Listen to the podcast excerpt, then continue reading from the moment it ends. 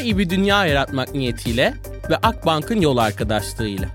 Merhaba ben Ekin. Onarım Atölyesi'nin podcast serisine hoş geldiniz.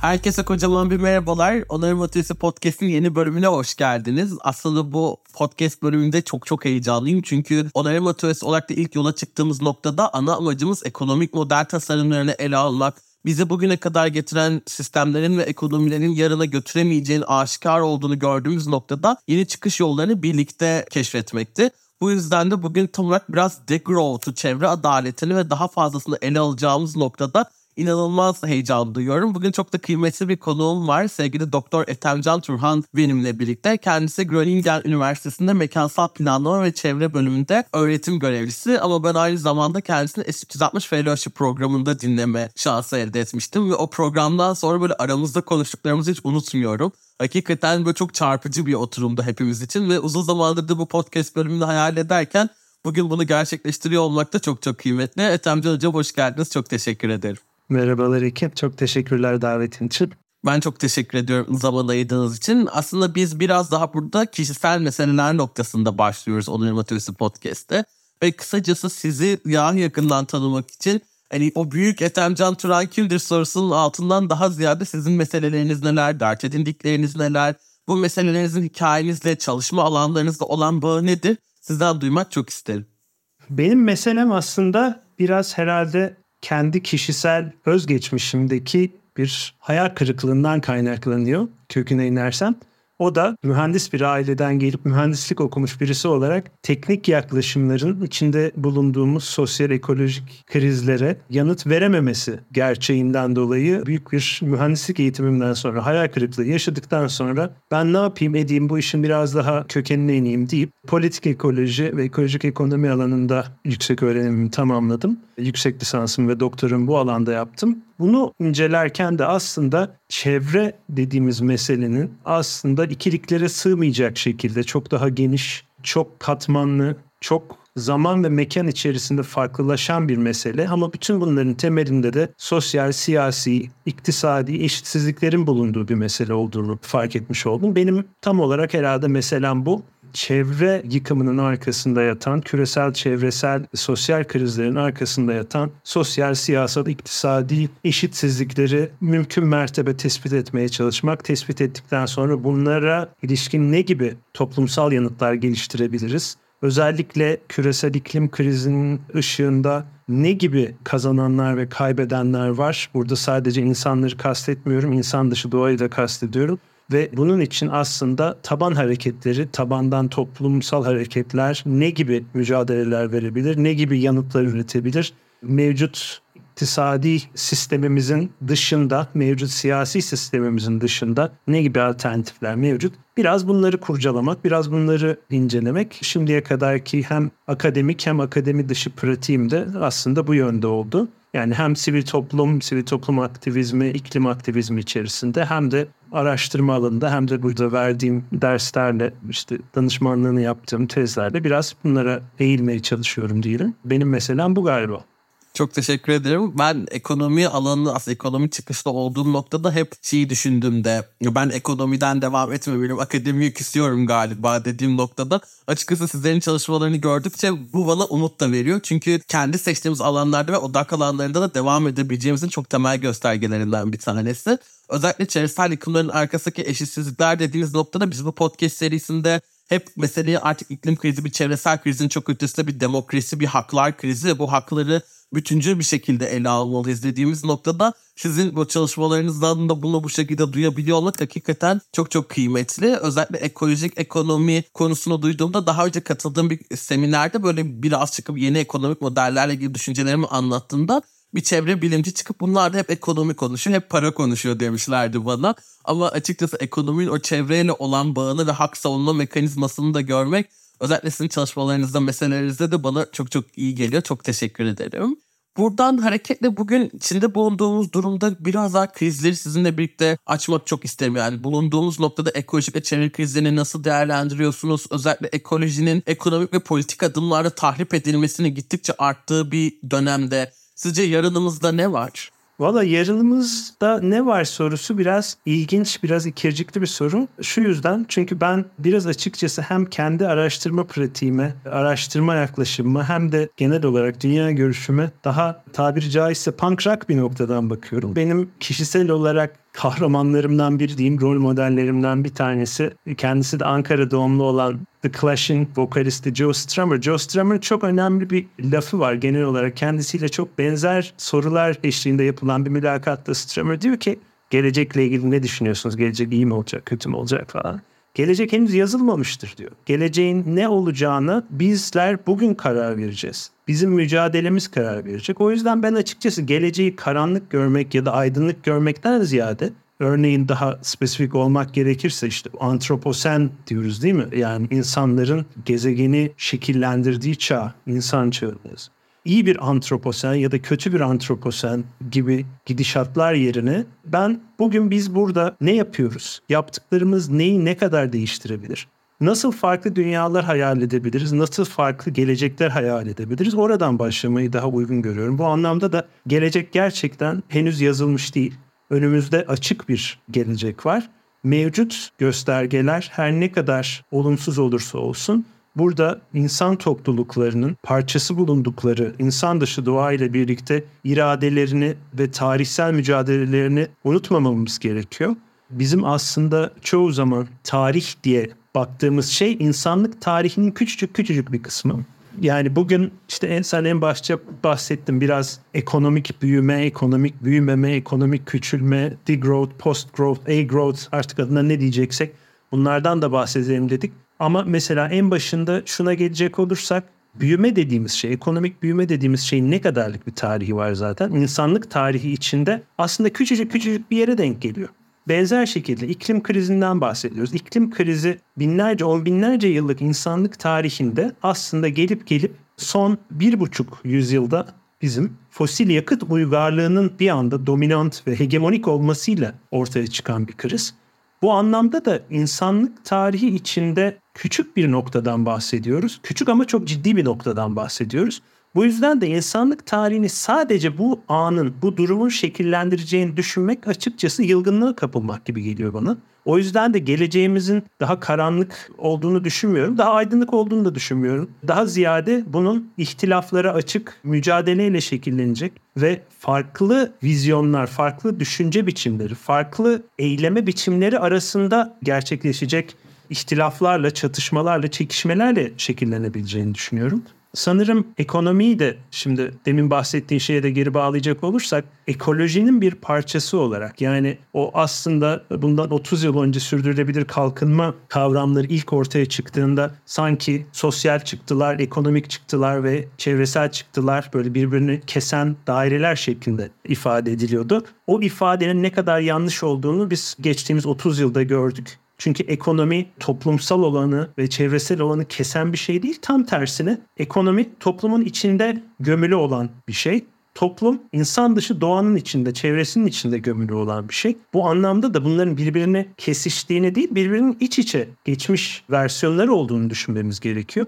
Ekolojik ekonomi bize tam olarak bunu söylüyor zaten. Eğer daha eşit, daha adil, daha sürdürülebilir bir gelecek tahayyül edeceksek bunu gezegenin fiziksel ve sosyal sınırlarını hesaba katarak yapmamız gerekiyor. Bunu dağıtım, paylaşım, bölüşüm meselelerini sorunsallaştırarak yapmamız gerekiyor. Bunu üretim tüketim döngüsünü sadece teknolojik iyileştirmelerle ya da ufak tefek yeşil badana meseleleriyle geçiştirerek değil de gerçekten kökünden radikal bir şekilde ki biliyorsun radikal kelimesi Latince'de kök anlamına geliyor. Yani radikallik dediğimiz şey çoğu zaman Türkçe'de de böyle yanlış anlaşılıyor diye düşünüyorum ben.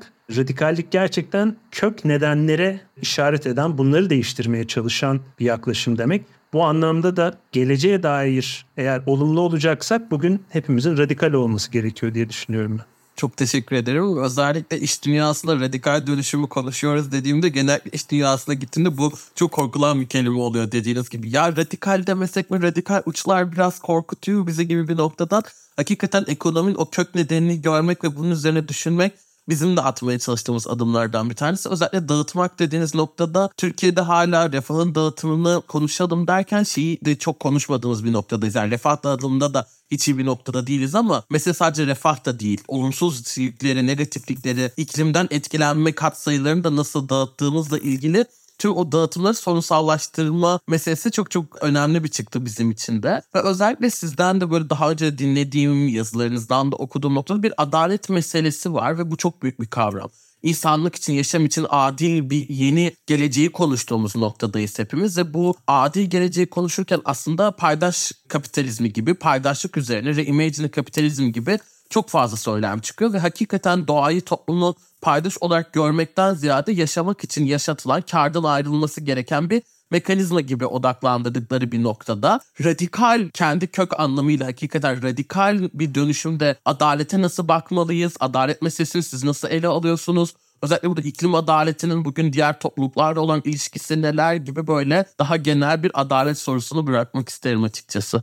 Şimdi adalet meselesi aslında yaptığımız her şeyin temelinde yatıyor. Ama spesifik olarak küresel iklim krizinden bahsedersek ortaya çıkışından günümüze bugünden de geleceğe olan farklı zamansal süreçler içerisinde sürekli olarak şiddetlenen bir eşitsizlik, adaletsizlik döngüsünü bize gösteriyor. Şimdi bu ne demek? Bunu en iyi anlayacağımız yer Hükümetler Arası İklim Değişikliği Paneli'nin IPCC'nin 6. değerlendirme raporu.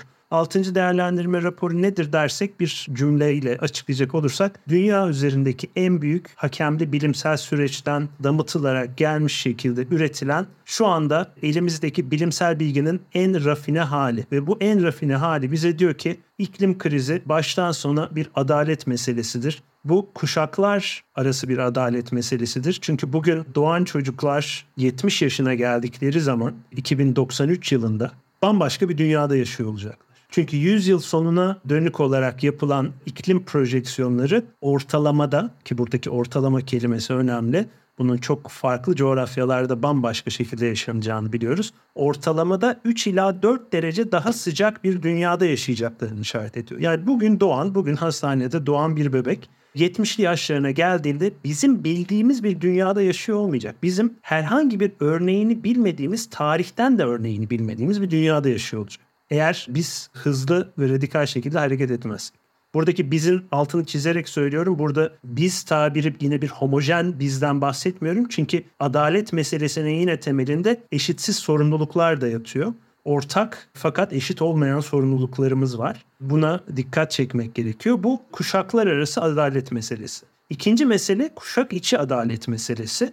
Neden? Çünkü bugün iklim krizine yol açan sera gazı salımlarının hem tarihsel olarak hem günümüzde müsebbipleri hepimiz eşit biçimde değiliz. Yani bugün işte mevcut koşullar altında tabii tüm dünyanın gözleri önünde korkunç suçlar işleniyor. Gazze'deki çocuklar günde yarım litre suyla idare etmek zorundalar herhangi bir üretim tüketim kalıplarının içinde değiller. Hayatta kalmaya çalışıyorlar. Oradaki bir çocukla örneğin küresel kuzeyde çok zengin bir aile doğmuş bir çocuğun tüketimi de aynı değil. Dahası sadece bireyselliğe de indirgeyemeyiz biz bunu. Örneğin küresel güneyde daha temel insani yaşam şartlarını sağlayamamış bazı ülkelerde ve bölgelerdeki yaşam biçimiyle örneğin Norveç'te herkesin elektrikli araçlara bindiği ve işte güneş panelli evlerinde ısı pompalarıyla ısındığı bir geleceğin de aynı olduğunu düşünemeyiz. Çünkü bunun temelinde tarihsel eşitsizlikler yatıyor. Bunun temelinde kolonyalizm yatıyor. Bunun temelinde kapitalizmin kökenleri yatıyor. Bunun temelinde arazi kapatmalar, mülksüzleştirmeler yatıyor. O yüzden de kuşaklar arası değil sadece kuşak içi de bir adaletsizlikten bahsediyoruz. İklim adaleti,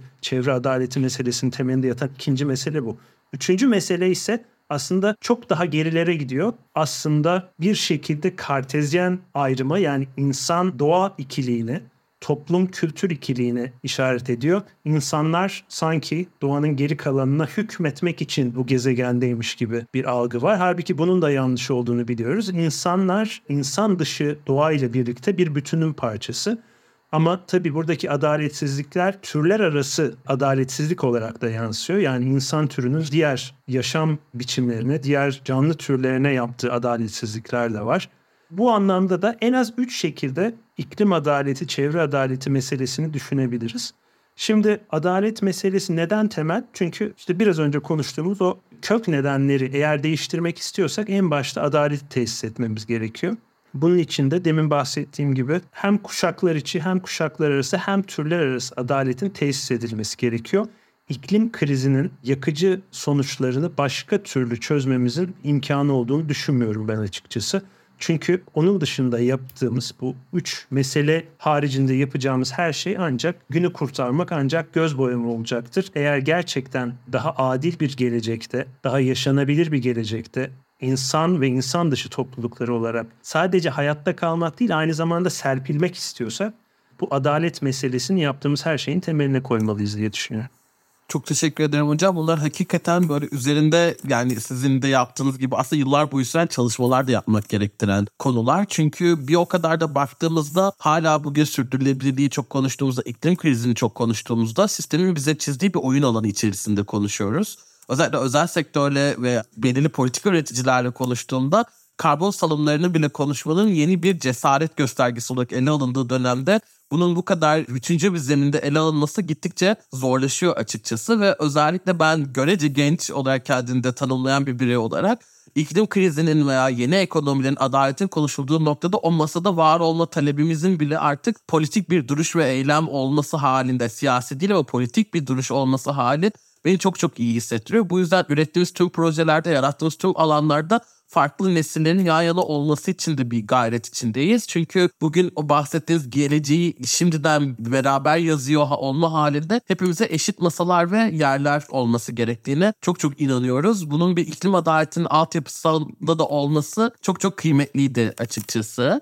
Biraz da aslında konuyu büyüme meselesine de getirmek istiyorum. İçinde bulunduğumuz bu neoliberal ekonomi her alanda kendi tahripkar politikalarını üretirken, mülksüzleştirirken, müşterekleri satarken, kentleri yok ederken ve adaletsizliği her alanda bu kadar bütüncül bir hale getirirken burada büyümeyi de bir sorun olarak sizce tanımlayabilir miyiz? Biraz daha buna girmek istiyorum ve sizce bu büyüme takıntısı sistemlerin bu büyüme arzusu bizi ne duruma getirdi? Büyüme neden bir sorun oluşturdu? Sizden duymak çok isterim. Buna en iyi cevabı aslında bundan 10 yıllar önce Kenneth Boulding vermiş. Sınırlı bir gezegende sınırsız büyümenin olabileceğini düşünen kişi ya aklını kaçırmıştır ya da iktisatçıdır demişti Kenneth Boulding.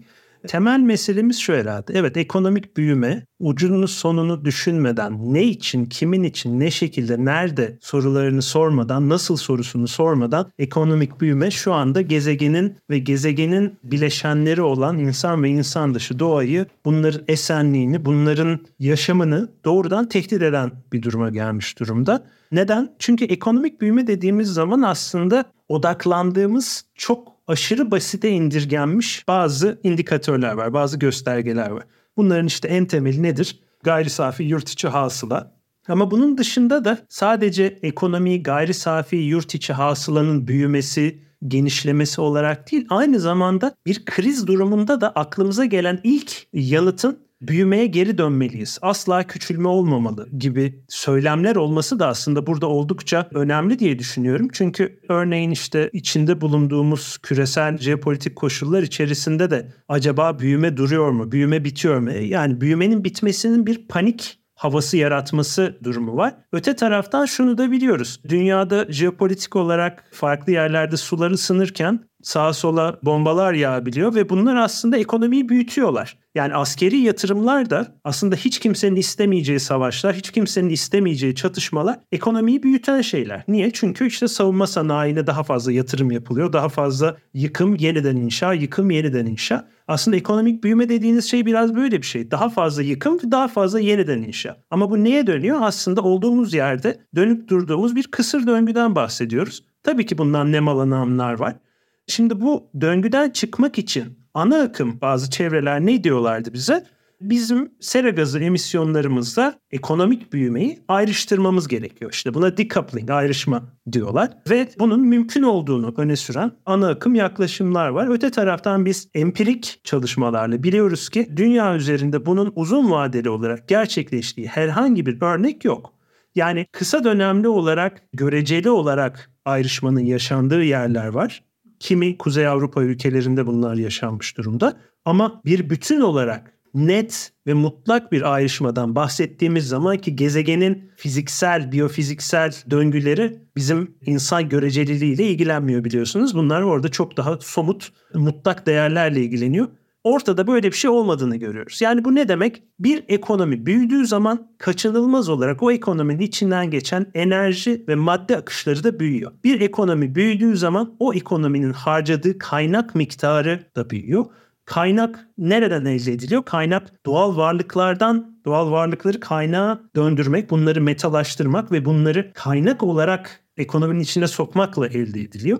E şimdi o zaman siz sürekli olarak büyüyebileceğini varsaydığınız bir sistem için aslında daha da fazla büyüyemeyecek olan bir gezegeni daha da fazla daha da fazla oyup oyup duruyorsunuz. İşte bunun bir boyutu iklim krizi oluyor, iklim adaletsizliği oluyor.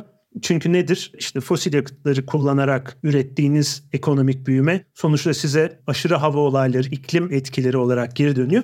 Diğer tarafı sadece yukarı doğru değil, yani emisyonlar, salımlar yukarı doğru atmosfere gidiyor ama ekonomik büyümenin aşağıya doğru giden bir boyutu da var. O da nedir? İşte hafriyatçılık, ekstraktivizm dediğimiz yani sürekli olarak daha da derine, daha da dibe doğru giden bu ister fosil yakıt çıkarmak için olsun, ister çeşitli madenleri çıkarmak için olsun. Şu anda biliyorsun işte bu yeşil ekonomik dönüşüm içerisinde en fazla tartışılan şeylerden bir tanesi elektrikli mobilite, elektrikli araçlar vesaire. Elektrikli araçlar için özellikle bu piller için ne gerekiyor? Bazı zor bulunan madenler, bazı spesifik madenler gerekiyor. Bunların başında elementlerden bir tanesinin başında da lityum geliyor. Şimdi eğer biz küresel ulaşım altyapısını bugünden yarına böyle çok radikal bir şekilde elektrikli şeye dönüştürmekten bahsediyorsak bireysel araç sahipliğinin, işte otobanların, yolların ve arabaya dayalı ulaşım sistemini hiç değiştirmeden sadece içten yanmalı araçlardan elektrikli araçlara dönmeyi planlıyorsak bu aslında gezegen için büyük bir yıkım anlamına geliyor. Bu olumlu bir durum değil. Bu tam tersine bir yıkım çünkü çok yüksek miktarda bu madenlere ihtiyacımız var demektir. Bu elementlere ihtiyacımız var demektir. Bunları nereden alacağız? Dünyada sınırlı yerlerde yaygın miktarda bulunuyor bunlar. İşte onların örneklerinden bir tanesi Şili'de Atakama çölü üzerinde inanılmaz boyutlarda lityum madenleri inşa ediliyor. Burası aynı zamanda dünyanın en kurak bölgelerinden bir tanesi. Ama lityum elementini ayrıştırabilmek için yine ciddi miktarda su da kullanılması gerekiyor. Bunun bir şekilde o bölgede alınıp götürülmesi için yine enerji harcanması gerekiyor vesaire vesaire. Yani konuştuğumuz meseleler birbiriyle ilişkili. Sadece tek bir parametreyi dönüştürerek iklim krizini çözemiyoruz. O yüzden de ekonomik büyümeyi yerinde tutalım. Sadece bir iki parametreyi değiştirelim demek doğru bir yaklaşım değil. İşte zaten ana akımdan bu işin farkına varanlar o yüzden bir başta yeşil ekonomi, yeşil büyüme gibi yaklaşımlarla gelmişlerdi.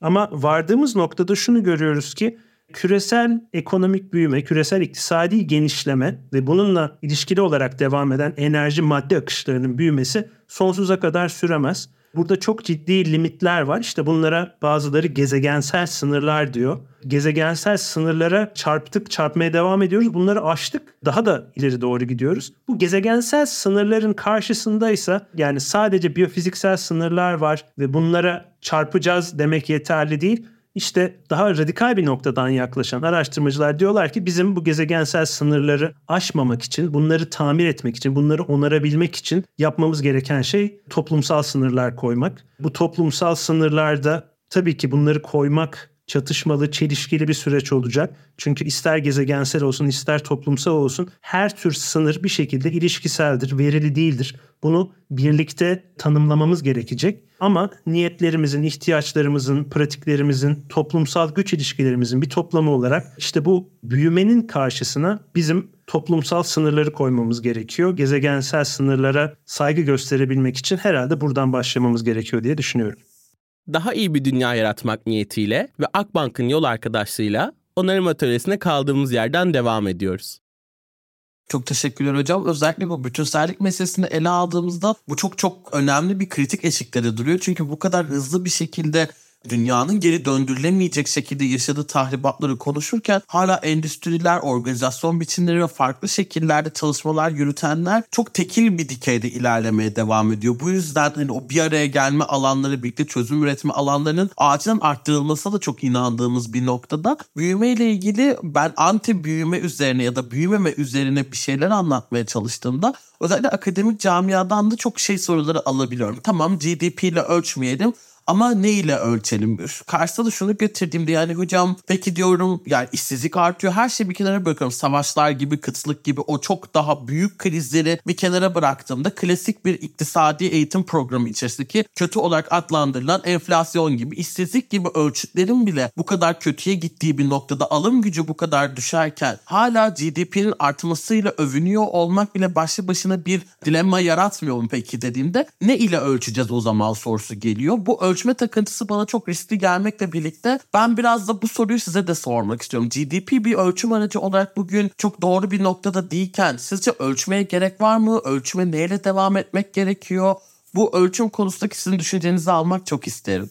Ya şimdi şöyle bakmak lazım. Her şeyin sayısallaştırılmasında tabii ki bir risk var. Sürekli olarak bir sayısal mesele üzerinden dünyadaki karmaşıklığın tek bir rakama indirgenmesi ve o rakamla karşılaştırılabilir bir noktaya getirilmesi tabii ki çok sakıncalı. Ama öte taraftan ölçüm dediğimiz şeyi topyekün de böyle çöpe atacak değiliz. Tabii ki yani insan ve insan dışı doğanın esenliği için çeşitli göstergelerle düzenli olarak sistematik ölçümler yapıp bunların iletişiminin yapılması gerekiyor.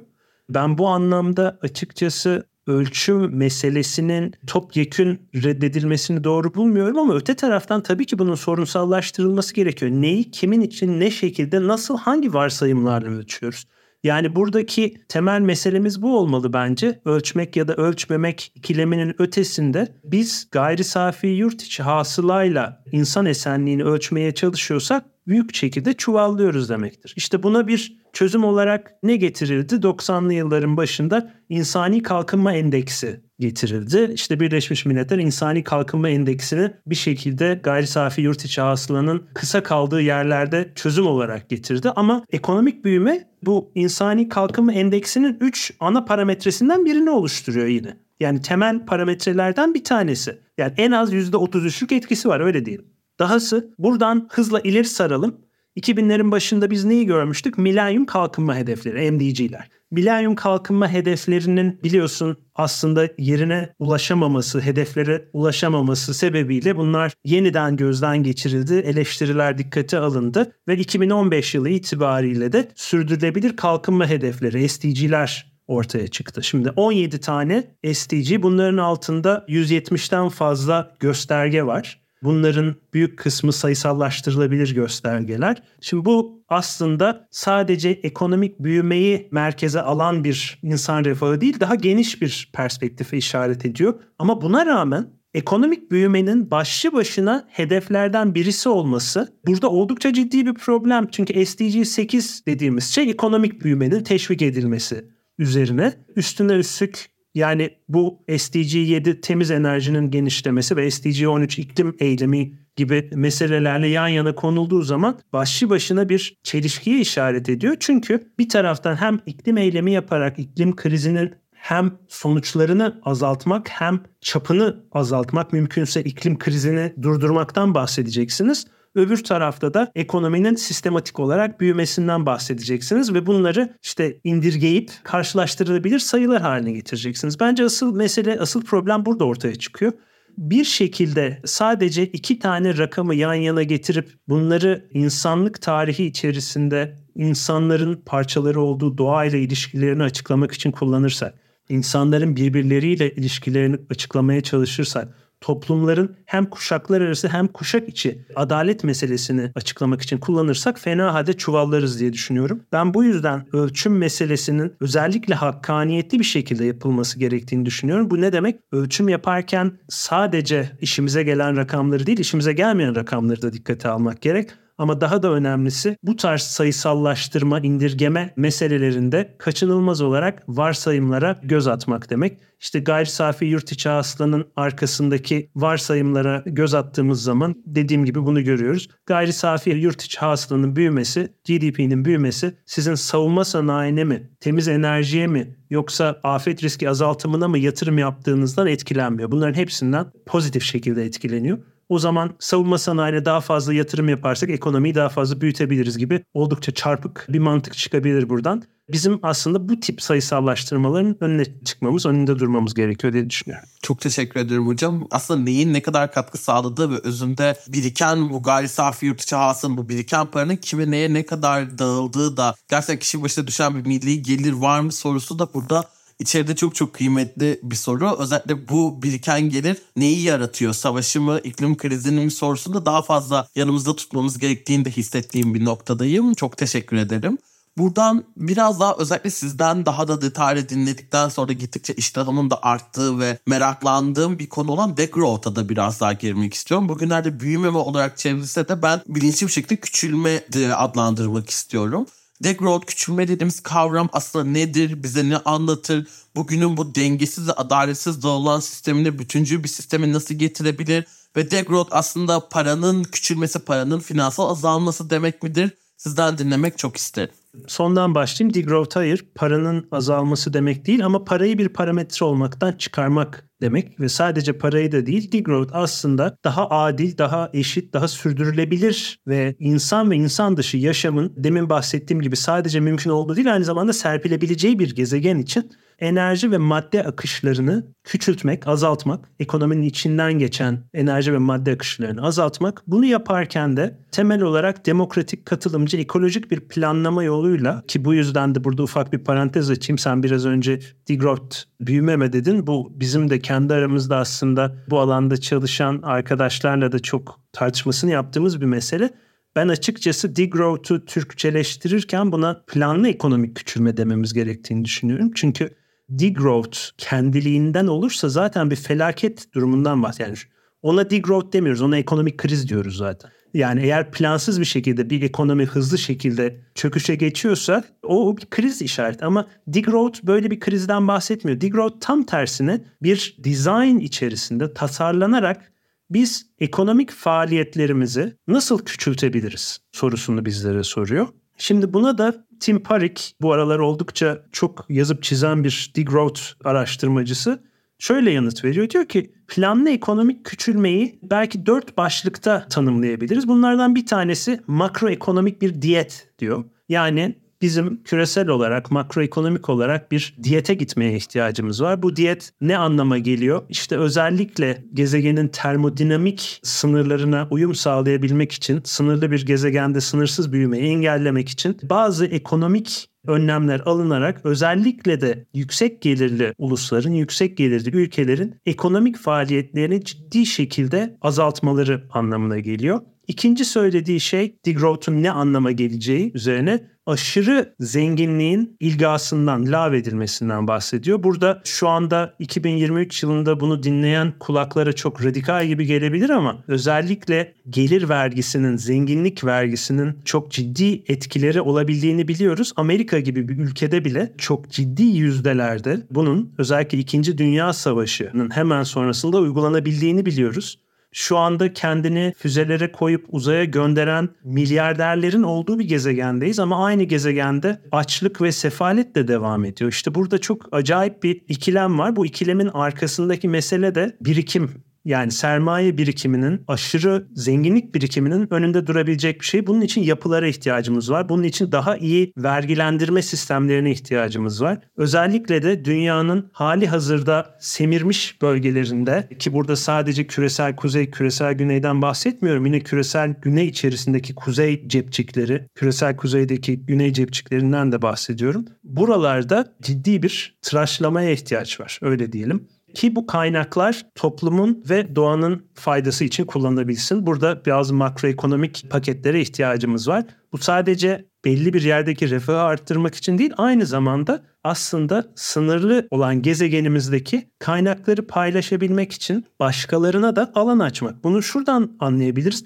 Genel olarak liberal bir bakış açısı bize şunu söyler. Benim özgürlüğüm başkasının özgürlüğünün başladığı yerde biter der bize. Halbuki biz özgürlük meselesini bir baş son meselesinden ziyade bir otonomi, özellik meselesi olarak ele aldığımız zaman şunu diyebiliriz. Özgürlük eğer otonomi ise bu otonomi kendi kendini kısıtlayabilmek anlamına gelir. Çünkü kendi kendimizi kısıtlarsak başkalarının da var olabilmesi için onlara alan açmış oluruz. O yüzden de bunu bir baş son meselesi değil, genel olarak toplumsal sınırlarda kolektif bir öz sınırlama olarak ele almak gerekiyor diye düşünüyorum. Ben degrowth'u bu şekilde düşünmenin daha sağlıklı olduğu kanaatindeyim. Böylelikle daha yavaş, daha ayakları yere basan, daha adil, daha sürdürülebilir bir geleceğin bir afetle değil bir tasarımla gelmesi gerekiyor diye düşünüyorum. Burada da demin bahsettiğim kolektif öz sınırlama, yeterlilik tartışması bunlar çok merkezde olacak şeyler. Tabii bunları yaparken sadece yine daha önce bahsetmiştim insan türünü düşünemeyiz. Bunun içinde işin içine iklim adaletinin bir tık ötesi olarak çok türlü adalet tartışması geliyor. Multi-species justice denilen bir şey geliyor. Burada daha kesişimsel, ekolojik, feminist, dahil edici, türler arası dayanışmaya vurgu yapan, sorumluluğa vurgu yapan ama sorumluluğu sadece işte İngilizce'de bir kelime oyunuyla responsibility değil de responsibility yani yanıt verebilirlik olarak kurgulayan ve aynı zamanda farklı dünya tahayyüllerini, farklı kozmovizyonları mümkün kılan, bunlara alan açan, bunlara platform veren bir meseleden bahsediyoruz. Ben Degrowth'un işte bu konuştuğumuz bütün meselelerin hepsini bir şekilde toplumsal tartışmanın çeperlerinden merkezine böyle bir mancınıkla attığını düşünüyorum. Degrowth hiçbir şey yapmıyorsa bile en azından bu radikal fikirleri ana akıma o mancınıkla fırlatıp da tam göbeğine düşürdüğü için çok kıymetli. Ama tabii ki degrowth'un nasıl somutlanabileceği, nasıl uygulanabileceği, nasıl planlanabileceği tartışması hepimizin tartışması. Hepimiz için açık bir tartışma. O yüzden de demin dedik ya gelecek henüz yazılmış değil. Onu ancak hep birlikte yazabiliriz. Hocam çok teşekkür ederim. Özellikle bazı anlar oluyor benim için. Şu an bunu paylaşmam burada ne kadar dinleyici açısından da doğru bilemiyorum ama açıklıkla söylemek istediğimde hakikaten yalnız hissetmediğim, konuşmaya çalıştığım, öğrenmeye çalıştığım konularını kavramsallaştırmaya çalıştığım bir dönemeçte böyle birlikte bazı şeyleri düşünebiliyor, düşünebiliyor olmak bana çok çok güçlü hissettiriyor. Eminim dinleyenler arasında da bu hissiyatı paylaşanlar var. O yüzden ben başladığımda çok daha güçlü bir noktada hissediyorum. Bunun için özellikle çok teşekkür etmek istedim size. Burada atölye dediğimiz noktada tasarımı bu kadar konuşurken bir afet olarak değil bir tasarımla bunun geliyor olması, kolektif bir öz sınırlama ve çok türlü adalet gibi kavramları biraz daha zihniyete yerleştirmenin çok kıymetli olacağını düşünüyorum. Çünkü biz bugün kavramları çok yüzeysel bir şekilde kullandığımızda zihniyetsel dönüşümünü maalesef biraz kaçırdığımızı hissediyorum. Özellikle bu kadar sistem dönüşümüne kafa yorduğum bir noktada bu yeni duyduğum kavramları da daha çok katmaya bu dizayn meselesinde çalışıyor olacağım ve sizden böyle bir ara parantez olarak da mekansallıkla da çok ilişkisi olduğunu da hem krizlerin hem degrowth'un duyuyorum. Çok kısa sizin için de uygunsa dünyayı da bir mekan olarak ele alabilir miyiz? Aldığımız noktada bu degrowth'un mekan ile olan ilişkisine de çok kısa girmemiz mümkün olur mu acaba?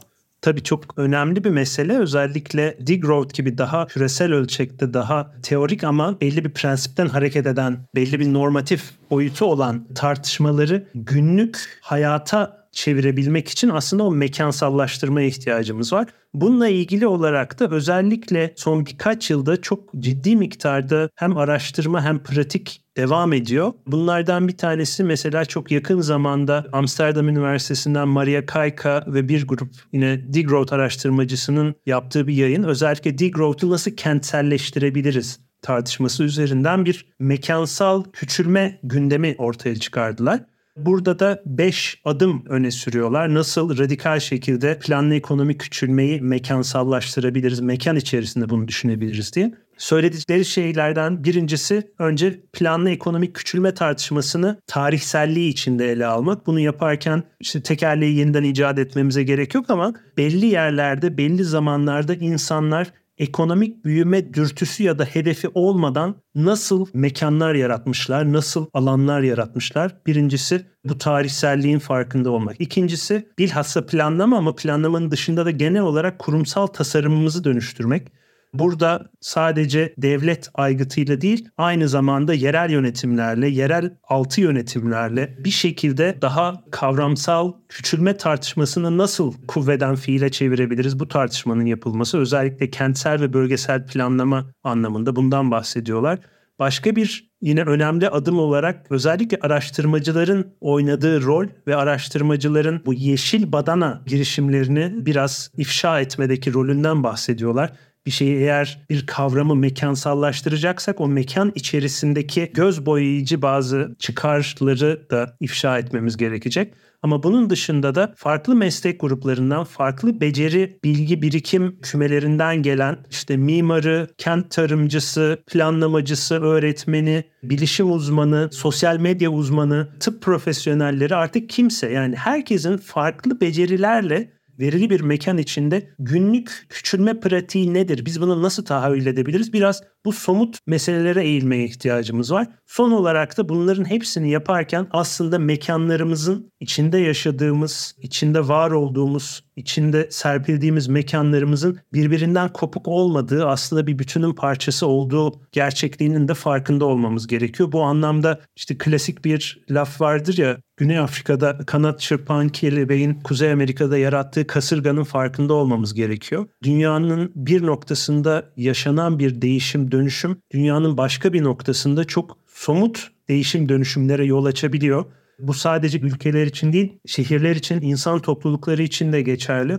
Bu anlamda da planlı ekonomik küçülme meselesini mekansallaştırırken bunu kopuk bir şekilde değil ama bir ağ şeklinde birbirinin bütünü olan bir rizom şeklinde daha doğadan bir örnek almak istersek ele almak daha doğru olur diye düşünüyorum.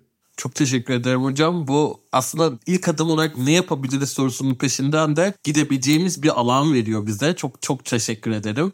Hakikaten bu geçen süre benim için çok çok kıymetli noktalarda da kendim için, onarım atölyesi için, içinde bulunduğumuz ağlar için çok kıymetli söylemleri ve buradan doğacak eylemleri de barındırıyordu. Çok teşekkür ederim ve en sonunda benim normalde her konumu sorduğum bir sorum var. Sizce umut var mı diye. Ama ben bunu biraz incelemek istiyorum. Çünkü sizinle S360 Fellowship'i kapatırken de oturumu ütopyaları konuşmuştuk. Bize ütopyaların kötü olduğundan bahsediyorlar. Aslında onlar ufuk çizgileri gibi. Onlar gittikçe daha da ileride aynı yerde ya da duracak ama bizim oraya doğru yürümemiz gerekiyor ve belki de ütopyalar bu kadar da gerçek dışı olduğu için kötü olmak zorunda değildir gibi benim böyle o oturumdan aldığım en önemli çıktılardan biriydi benim için. O noktada da ütopyalardan korkmalı mıyız? Ütopyalara inanamaz mıyız? Ütopyaların peşinden gidilebilir mi gibi bir kapanış sorusuyla tamamlamak çok isterim.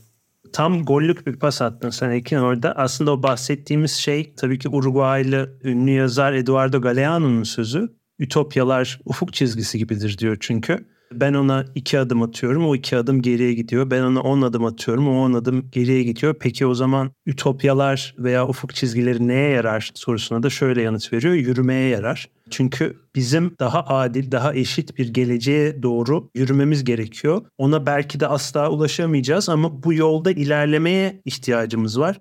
Hepimizin bu anlamda distopik bir geleceğe karşı kolektif bir umudu hayatta tutmaya ihtiyacımız var. Şimdi burada tabii umut derken ne söylediğimin de kısaca ifade etmeye çalışayım. Umut derken herhangi bir beklenti, gelecekten beklenti veya iyimserlikten bahsetmiyorum burada. Tam tersine bu Out of the Woods Collective'in bir kitabı var. Hope Against Hope, umuda karşı umut başlığını taşıyor. Ben bunu çok kıymetli buluyorum. Çünkü umuda karşı umut aslında içimizde taşıdığımız, bir şekilde yasını tuttuğumuz geçmiş, güncel ve gelecek yıkımlara karşı bunlar sosyal, ekolojik, toplumsal, kültürel yıkımlar.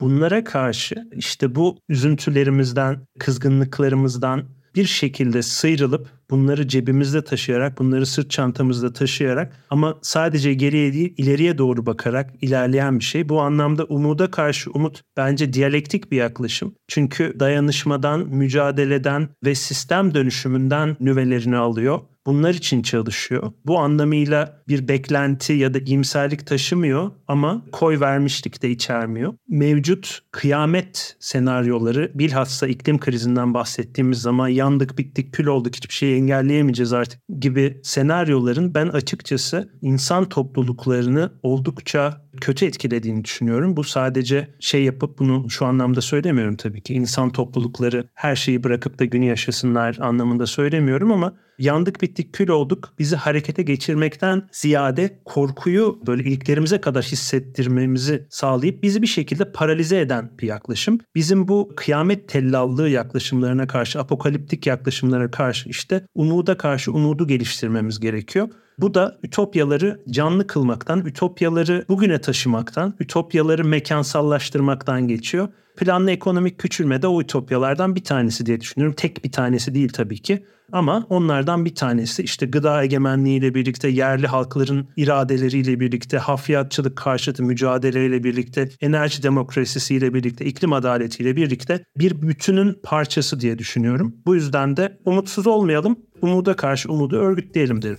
Çok teşekkür ederim hocam. O örgütlenmenin de bir parçası olmaya çalışırken bugün bizimle olduğunuz için çok teşekkür ederim. İnanılmaz keyifli ve kıymetli bir sohbetti.